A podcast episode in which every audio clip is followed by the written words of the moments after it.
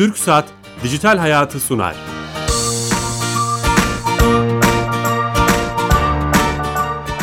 Herkese merhaba, ben Bilal Eren. Teknoloji ve dijitalleşmenin hayatlarımıza etkilerini konu edindiğimiz Dijital Hayat programımıza hoş geldiniz. Her cuma saat 15.30'da bir başka konu ve konukla kulaklarınıza misafir olmaya devam ediyoruz. Bu hafta son yıllarda ülkemizde de örnek uygulamalarını gördüğümüz açık bankacılık teknolojilerini konuşmak istedik, gündem yapmak istedik. Çok değerli bir konumuz olacak. Arkitekt, Genel Müdürü Doktor Mücahit Gündebağar'la e, açık bankacılık teknolojilerini tüm detayları konuşmaya çalışacağız. Ama öncesinde sponsorumuz TürkSat'a bağlanacağız ve e, kamunun tüm hizmetlerini, uygulamalarını dijitalleştiren, dijital bir platform üzerinden üst, e, bize sunan Türkiye Gov.tr'den bir özelliği TürkSat'tan Sami Yenici'den dinleyeceğiz. Sami Bey telefon attığımızda. Sami Bey. Bilal, Bilal Bey yayınlar. Hoş geldiniz yayınımıza. Hoş bulduk sağ olun. Bu hafta hangi hizmeti servisi bize anlatacaksınız? Evet bu hafta EDS kapısının mobil uygulamalarından bahsedelim. Lütfen. Sıklıkla kullanılıyor gerçi. Artık mobil uygulamalarımız e, web uygulamalarımızdan daha sık kullanılıyor diyebiliriz.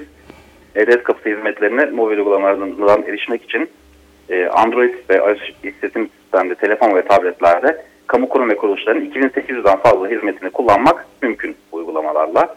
E-Devlet kapısı mobil uygulamalarını cihazlarınıza yüklemek için uygulama marketlerinde E-Devlet kelimesini aratarak erişmek mümkün.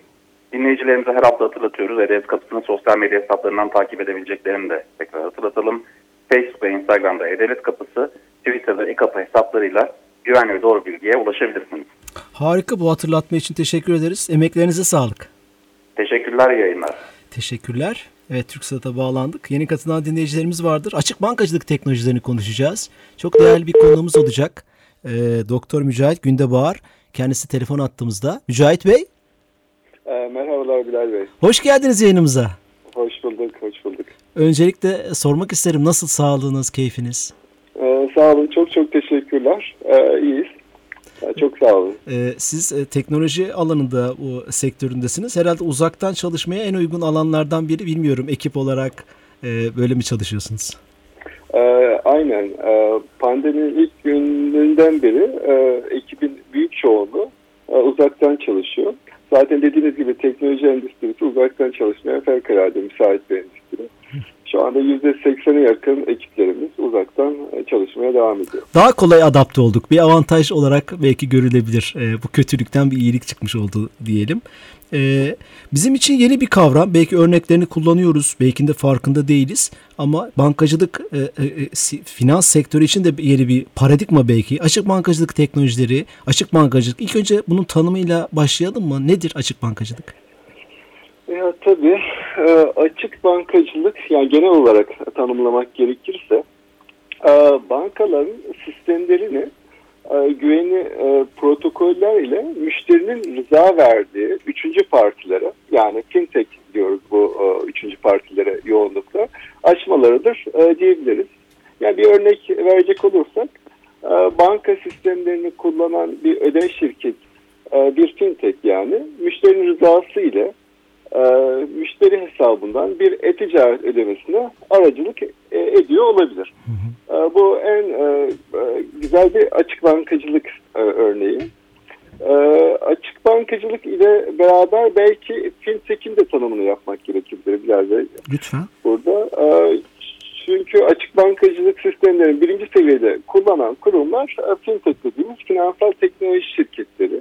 Bunlar da son e, yıllarda bolca duyuyoruz.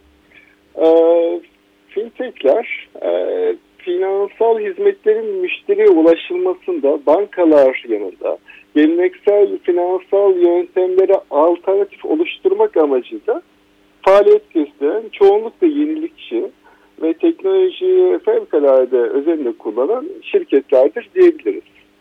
Ee, burada çoğunlukla e, fintechlerin müşterileri e, bankaların müşterileri oluyor. Yani fintechler e, açık bankacılıkla banka sistemlerini kullandıkları için fintechlerin müşterileri bir noktada bankaların müşterileri oluyor. Bu açıdan baktığımızda da e, fintechler bankalara rakip değil çoğunlukla iş ortakları haline dönüşüyor. Yani bir fintech'in müşterisi banka müşterisi. Burada bir kazan kazan senaryosu söz konusu çoğunlukla. E, tabii burada bankacılığın müşterinin sahipliğinin, nihai müşterinin sahipliğinin banka olduğunu unutmamamız gerekiyor. Bu önemli bir not yani. Bunu özellikle birkaç defa söylediniz çünkü. Altını çiziyorsunuz. Ya altını yani çok çok önemli çünkü e, müşteri verisi e, son derece hassas e, biliyorsunuz. Bunları otoritenin akredite ettiği, lisansladığı, denetlediği e, kurumlarda ku, e, tutulması son derece hayati. E, bir finansal değeri yanında bugün bilginin değeri çok çok daha önemli Doğru. bir hale geldi. E, nihai müşteri verileri yine e, bankalar gibi güven arz eden kurumlarda tutulması gerekiyor. E, dilerseniz bir de açık bankacılığı bankalar nasıl yapıyorlar ona bir e, hızlıca göz atalım. Sonra sohbetimizin e, geri kalan kısmında kullanacağım birkaç terminoloji var. Oraya girmeden Onlar bir şey sorabilir miyim Mücahit Bey? Tabii. Daha iyi anlamak için belki de. Tabii. E, do- dolayısıyla ben kullanıcı olarak, banka müşterisi olarak o aradaki firmaları veya fintech, teknoloji firmalarını görmüyorum bile, bilmiyorum da. Bilmem de gerekmiyor herhalde. Ben muhatap olarak hem hukuki olarak hem teknik olarak bankayı muhatap alıyorum. Yani işlemlerim sırasında bir ödeme yaparken. Doğru mu anladım? E, Ya şimdi o çok değişik iş senaryoları olabilir. E, ama e, batıdaki e, yaygın senaryoda şunu söyleyeyim. Bir örnek vereyim daha doğrusu. Sizin şimdi Bilal Bey bir kullandığınız, çalıştığınız bir banka vardır. Mobil şubesini kullanıyorsunuz. Hı hı. Muhakkak ikinci bankayla da çalışıyorsunuzdur. İki, iki tane mobil uygulama kullanıyorsunuz. Bu sizin için bir müşteri olarak, e, son müşteri olarak bir e, kullanıcı deneyiminde zorluk teşkil ediyor. Çünkü iki tane Doğru. müşteri numarası biliyorsunuz, iki tane şifre tutuyorsunuz, bakiyelerinizi alt alta göremiyorsunuz vesaire. Şimdi açık bankacılık sonrasında şöyle olacak. Bir tane fintech çıkacak. E, güvenli protokollerle, bankalarla entegre olup sizin iki bankadaki hesabınızı o fintech size gösteriyor olabilecek. Yani açık bankacılık temelde aslında e, bu tarz iş senaryolarına da olanak sağlıyor olabilecek. E, dolayısıyla e, bu açıdan bakınca e, müşterinin sahibi yani e, yine banka ama işlemlerin e, yapılmasını aracılık eden uygulamalar e, fintechler haline dönüşebiliyor. Sizin söylediğiniz bu üçüncü parti, üçüncü taraf, teknoloji firmaları tarafıydı. E, teknoloji firmaları tam olarak e, o şekilde. O zaman bu bir paradigma değişikliği değil değil mi bankacılık? Yani bankacılık tamamen bambaşka bir şeye dönüşmüyor. Var olan bankacılık sistemi devam ediyor. Bu yeni bir uygulama. Yani e, bir devrim değil. Öyle diyebilir miyiz? Hani e, ne Evet. dersiniz? Ya şöyle yani çok güzel bir soru. Yani bu sektörde bizim e, yıllarca tartıştığımız ve cevabını tam kestiremediğimiz bir soru. Ee, şöyle e, başlayayım müsaadenizle. Yani e, bugün Türkiye'de ilk 10-15 finansal kurum nedir e, dersek bunların tamamı istisna, istisnasız bankalardır. Ama size şöyle bir resim çizeyim ben. Bundan 3-5 yıl sonra e, ilk 15 finans kurumu nedir dersek işlerinde bugün belki hiç kurulmamış veya bugün faaliyette olan ama küçük boyutta olan fintechlerin olduğunu görüyor olabileceğiz. E, bu global piyasalarda da böyledir. Yani e, bugün bundan bir 5 yıl önce dünyadaki en büyük örneğin 100 tane finansal kurumu bakacak olacak ders bakalım dersek bunların çoğunluğunu banka olduğunu görüyoruz. Ama bugün aralarında finansal teknoloji şirketleri var. Zamanı ileriye alırsak bunların çoğunluğunun finansal e, teknoloji şirketlerine dönüştüğünü görüyor olacağız. Yani sorunuza cevap belki bir devrim iddialı olabilir ama e, finans sektörünün kalıtsal davranış değişikliğinin yaşadığı e, bir durumdan, bir dönemden bahsediyor olabiliriz. Hı hı. Ee, Ama- içinde bulunduğumuz dönemde. ba- bankacılık işlemleri bildiğimiz pozisyonda, e, bildiğimiz şekilde devam edecek aslında. E, gene para yatıracağız, yatırım yapacağız. O işte güven olarak paramızı orada tutacağız gibi. Yani açık bankacılık deyince bambaşka bir şey düşünmememiz lazım. Onu aslında altını çizerek sormak istiyorum. E, tek- teknolojinin yardımıyla uygulamalar değişecek gibi. Tam olarak öyle. Yani şunu da unutmamak gerekiyor. Yani bunu da vurgulamak gerek. Ee, bankalar ekonomi için çok çok önemli kurumlar. Yani piyasanın, ticaretin, ekonominin dengesini tutan kurumlar. Ee, bunu pandemi döneminde çok net bir şekilde de hissettik. Yani birçok kurum, yani banka deyince bireysel müşteriyi düşünmemek gerekiyor. Kurumlar işletmeler, COBİ'lerde bankaların destek olduğu, bankaların bir, bu, bu tarz kurumlarda hayati önem e, arz ettiği e, kurumlar bankalar. Nihayetinde bankalar yine oluyor olabilecek ama bankalar müşterilerine ulaştırdıkları hizmetleri doğrudan kendileri değil çoğunlukla bireyler için, birey sektörü için fintechlere devrediyor olabilecekler. Ama diğer taraftan şunu da söyleyeyim. Açık bankacılık sonrasında yani açık bankacılık prensiplerini tamamen uyguladığımız zaman teknolojinin gelişmesiyle, dijitalleşmesiyle beraber bankalar var olmaya devam edecek. Devam edecek. Gibi. Peki, ee, peki şunu sorabilir miyim? Bu arada yeni katılan dinleyicilerimiz vardır. Doktor Mücahit Gündevarlı açık bankacılık e, e, kavramını ve bu uygulamaları konuşuyoruz. Belki provokatif bir e, e, soru da olabilir bu. Bankalar neden e, üçüncü parti yani bir başka teknoloji firmasına ihtiyaç duyuyor bu hizmetler için? Kendileri bunları geliştiremez, geliştiremezler mi? Onlar için bir zorluk mu teşkil ediyor? Böyle bir soruya nasıl cevap verebiliriz? Ya bu e, aslında şöyle söyleyeyim. Bunu bankalar istemiyor. Bunu e, endüstri istiyor veya regülasyon istiyor. Şöyle bir örnek vereyim açık bankacılıkın alameti farikası noktasında. Örneğin İngiltere'deki açık bankacılık regülasyonuna bakacak olursak İngiltere'deki e, e, bizdeki CMA9 denen bizdeki rekabet kuruluna karşı bir kurum var.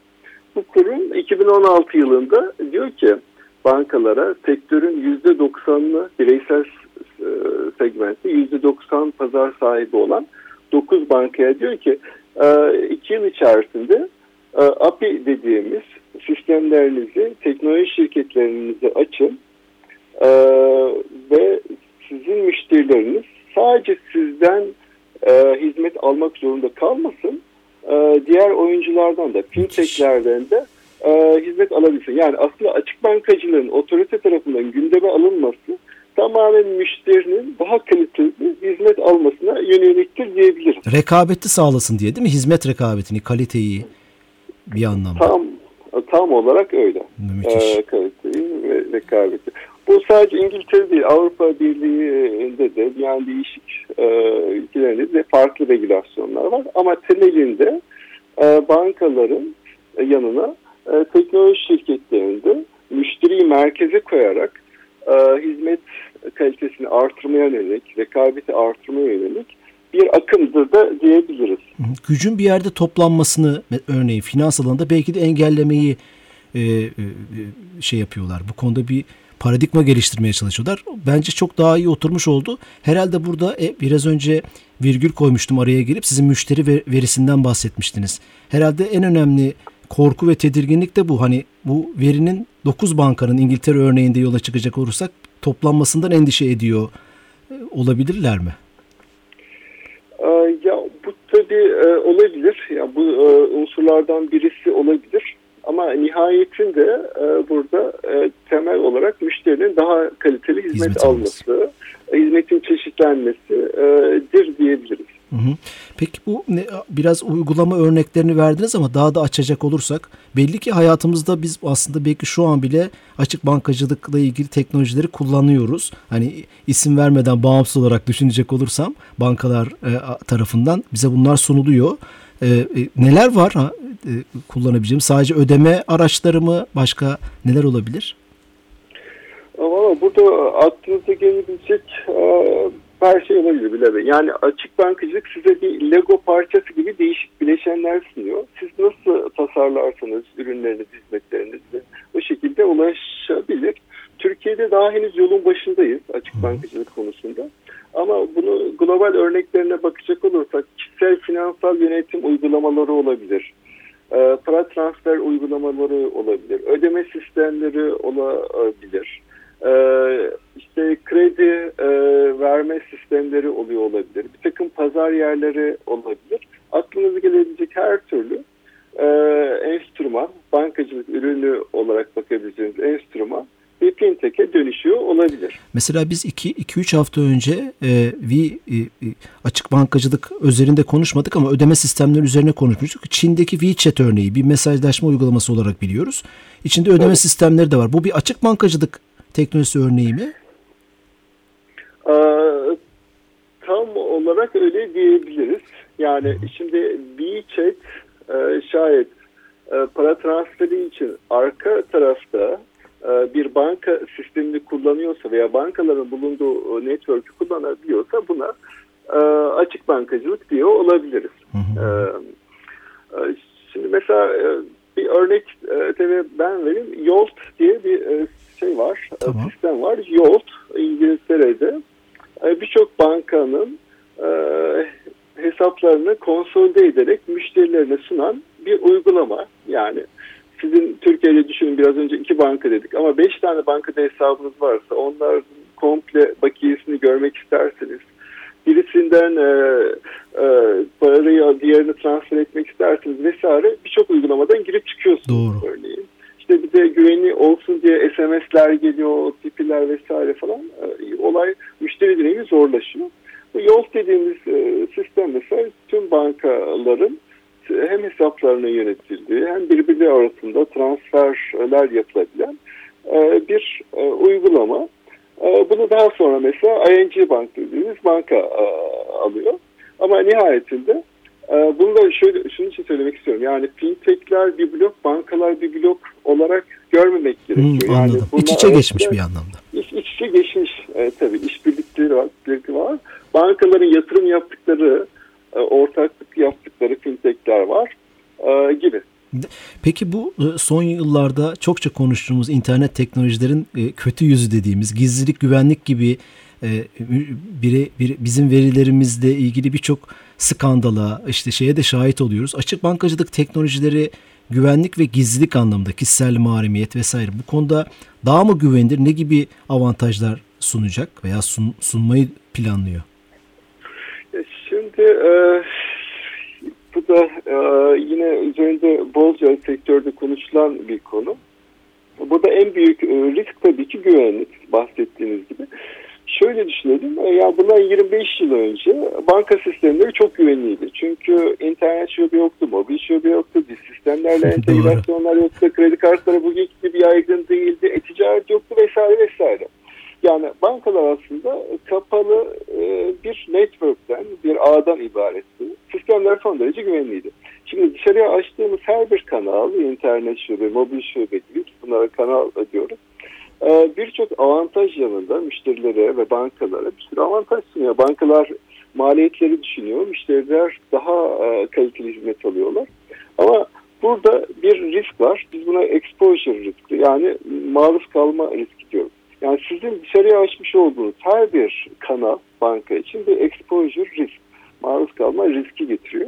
Açık bankacılığı da e, yine bu doğrultuda düşünebiliriz. Açık bankacılık bir kanal olarak ele alacak olursak açık bankacılığın da getirdiği bir takım güvenlik riskleri tabii ki var ama e, terazinin bir tarafı e, risk e, ise diğer tarafta açık bankacılığın getirdiği e, çok fazla e, fayda, müşteri menfaati, sektör menfaati olduğunu da e, göz ardı etmememiz gerekiyor. Ya fayda, yani olay sadece riskten ibaret değil. Ya fayda zarar analizi yapıldığı zaman faydası daha çok ağır basıyor. Onu anlıyorum ben. Kesinlikle öyle. Kesinlikle. Yani ne kadar aslında hayatı kolaylaştıran e, kanal, servis, hizmet geldikçe riskleri de beraber geliyor. Peki açık bankacılık üzerine çalışan fintechler, bankalar, e, bu riskleri, dezavantajları, siber saldırıları örneğin. Bunlarla ilgili de ekstra çalışmak zorunda kalıyor dolayısıyla. Aa, tabii ki. Yani e, buralarda e, çok ciddi ekipler e, var bankalar bünyesinde. E, ekipler, ekipmanlar, süreçler e, tesis edilmiş durumda bankalar e, bünyesinde. E, sadece e, ekip olarak değil, e, otoritenin e, yani ülkelerdeki sektörleri yöneten bankacılık otoritelerinin e, getirdiği bir takım standartlar var. E, risk yönetim e, prensipleri var. E, bunları bankalar e, çoğunlukta yani uygulamak zorundalar zaten.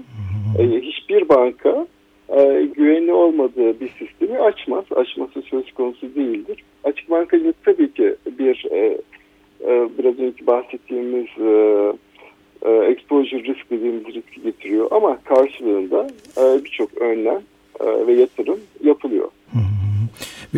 Dünyadaki durumdan da aslında bahsettiniz. Ülkemizde de ülkemizde bankacılık sektörünün hep şey olduğu, iyi, durumda olduğu üzerine çokça da hani bunu test edip de görüyoruz belki. E, dünyada açık bankacılık teknolojileri veya fintechler alanında Türkiye iyi bir durumda mı ülkemiz?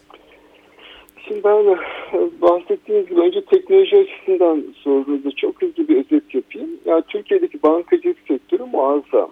Ee, teknoloji kullanımımız, e, e, dünyadaki normların çok çok ötesinde. Bankalarımızın e, bünyesindeki ekipler, ban, finans sektörümüz, tedarikçilerimiz, e, Avrupa ve ABD örneklerinin çok çok ötesinde e, ürün ve hizmet ağına sahip. E, bunu bir tarafa koymak gerekiyor. Ancak açık bankacılık konusuna baktığımız zaman ülkemizde henüz e, başındayız.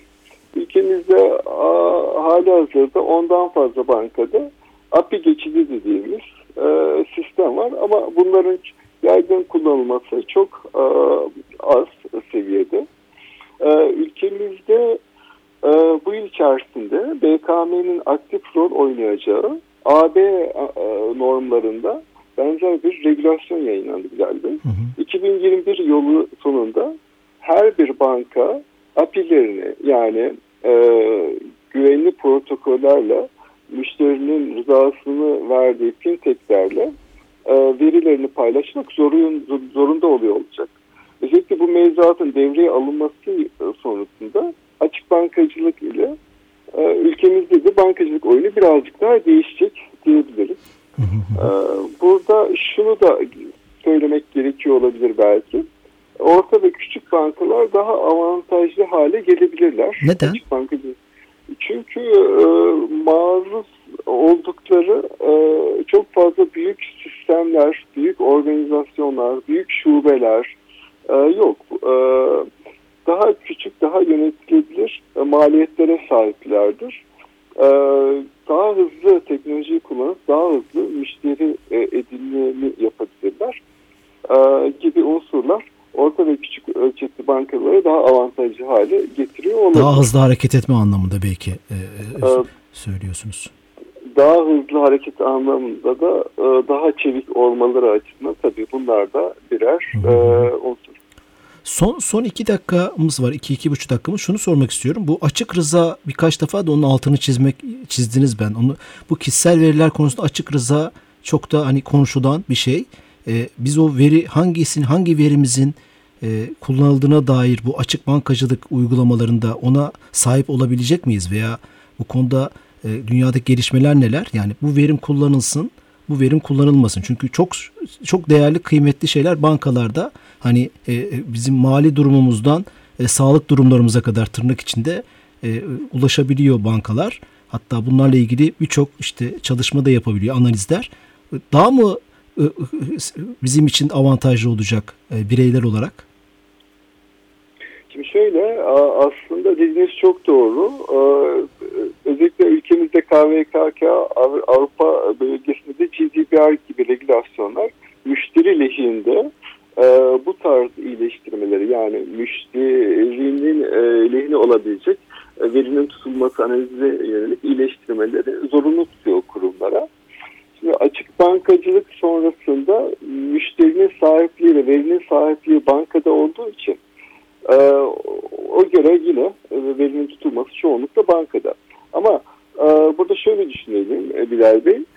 Siz e, bir müşteri olarak e, bir e, rıza vereceğiniz bir uygulama e, ve rıza verdiğiniz veri e, kategorisi olacak. Yani siz diyeceksiniz ki ben şu fintech'e, şu kuruma sadece bu tarz işlemler için, havale işlemi için sadece bakiye bilgisini e, görmesini istiyorum e, diyebileceksiniz. E, dolayısıyla burada şöyle bir şey yok açık bankacılık sonrasında. Sizin hesabınız internetten yayın öyle bir şey yok. e, tamamen rıza verdiğiniz kurumlar ve rıza verdiğiniz ölçüde e, bilginiz e, üçüncü partilerle paylaşılabilir hale e, geliyor olabilecek. Sonra onu onu da yönetmek de önemli. Yani istediğimiz zaman iptal etmek veya silinmesini istemek. E, bu üçüncü şeyler parti şirketlerin tabii herhalde bir regülasyondan bir kontrolden geçirecek. Yoksa iki kişi bir araya gelip bir teknoloji firması kurup bankanın API'lerinden faydalanıp o çok riskler de içeriyor sanki biraz. Ya kesinlikle. Zaten e, bu fintechler çoğunlukla sadece ülkemizde değil, e, otoriteler tarafından e, regülasyon altında olan bir takım kriterleri içinde barındıran risk yönetimi, bilgi güvenliği, bilgi sistemleri yönetimi gibi, müşteri şikayetleri yönetimi gibi, verinin sahipliği yönetimi gibi regülasyonları barındırmaları gereken bir e, halde oluyorlar. Yani bu kurumlar e, regülasyon tarafından e, akredite olmuş kurumlar. Yoksa e, e, siz bir, e, bugün siz otursak bir hemen e, birkaç saat içerisinde şirket kurup bitirsek olamayız. Bir takım gereksinimleri yapıyor olmamız, karşılıyor olmamız. Siz, siz aynı zamanda bir banka yöneticisiniz uzun yıllardır. Dolayısıyla böyle firmaları herhalde e, onlarla işbirliği yaparken bunlara çok dikkat ediyorsunuzdur diye düşünüyorum.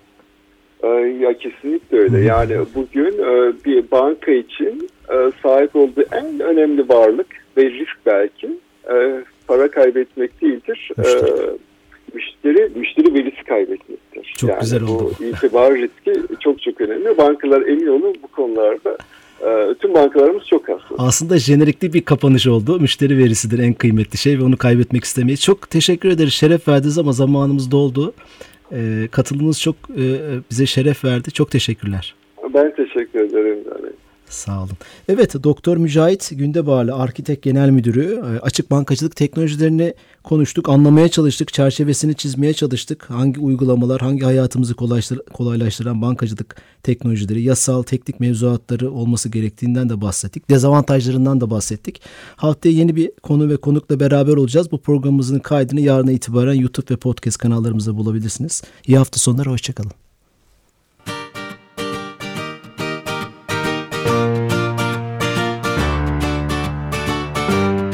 Türk Saat Dijital Hayatı sondu.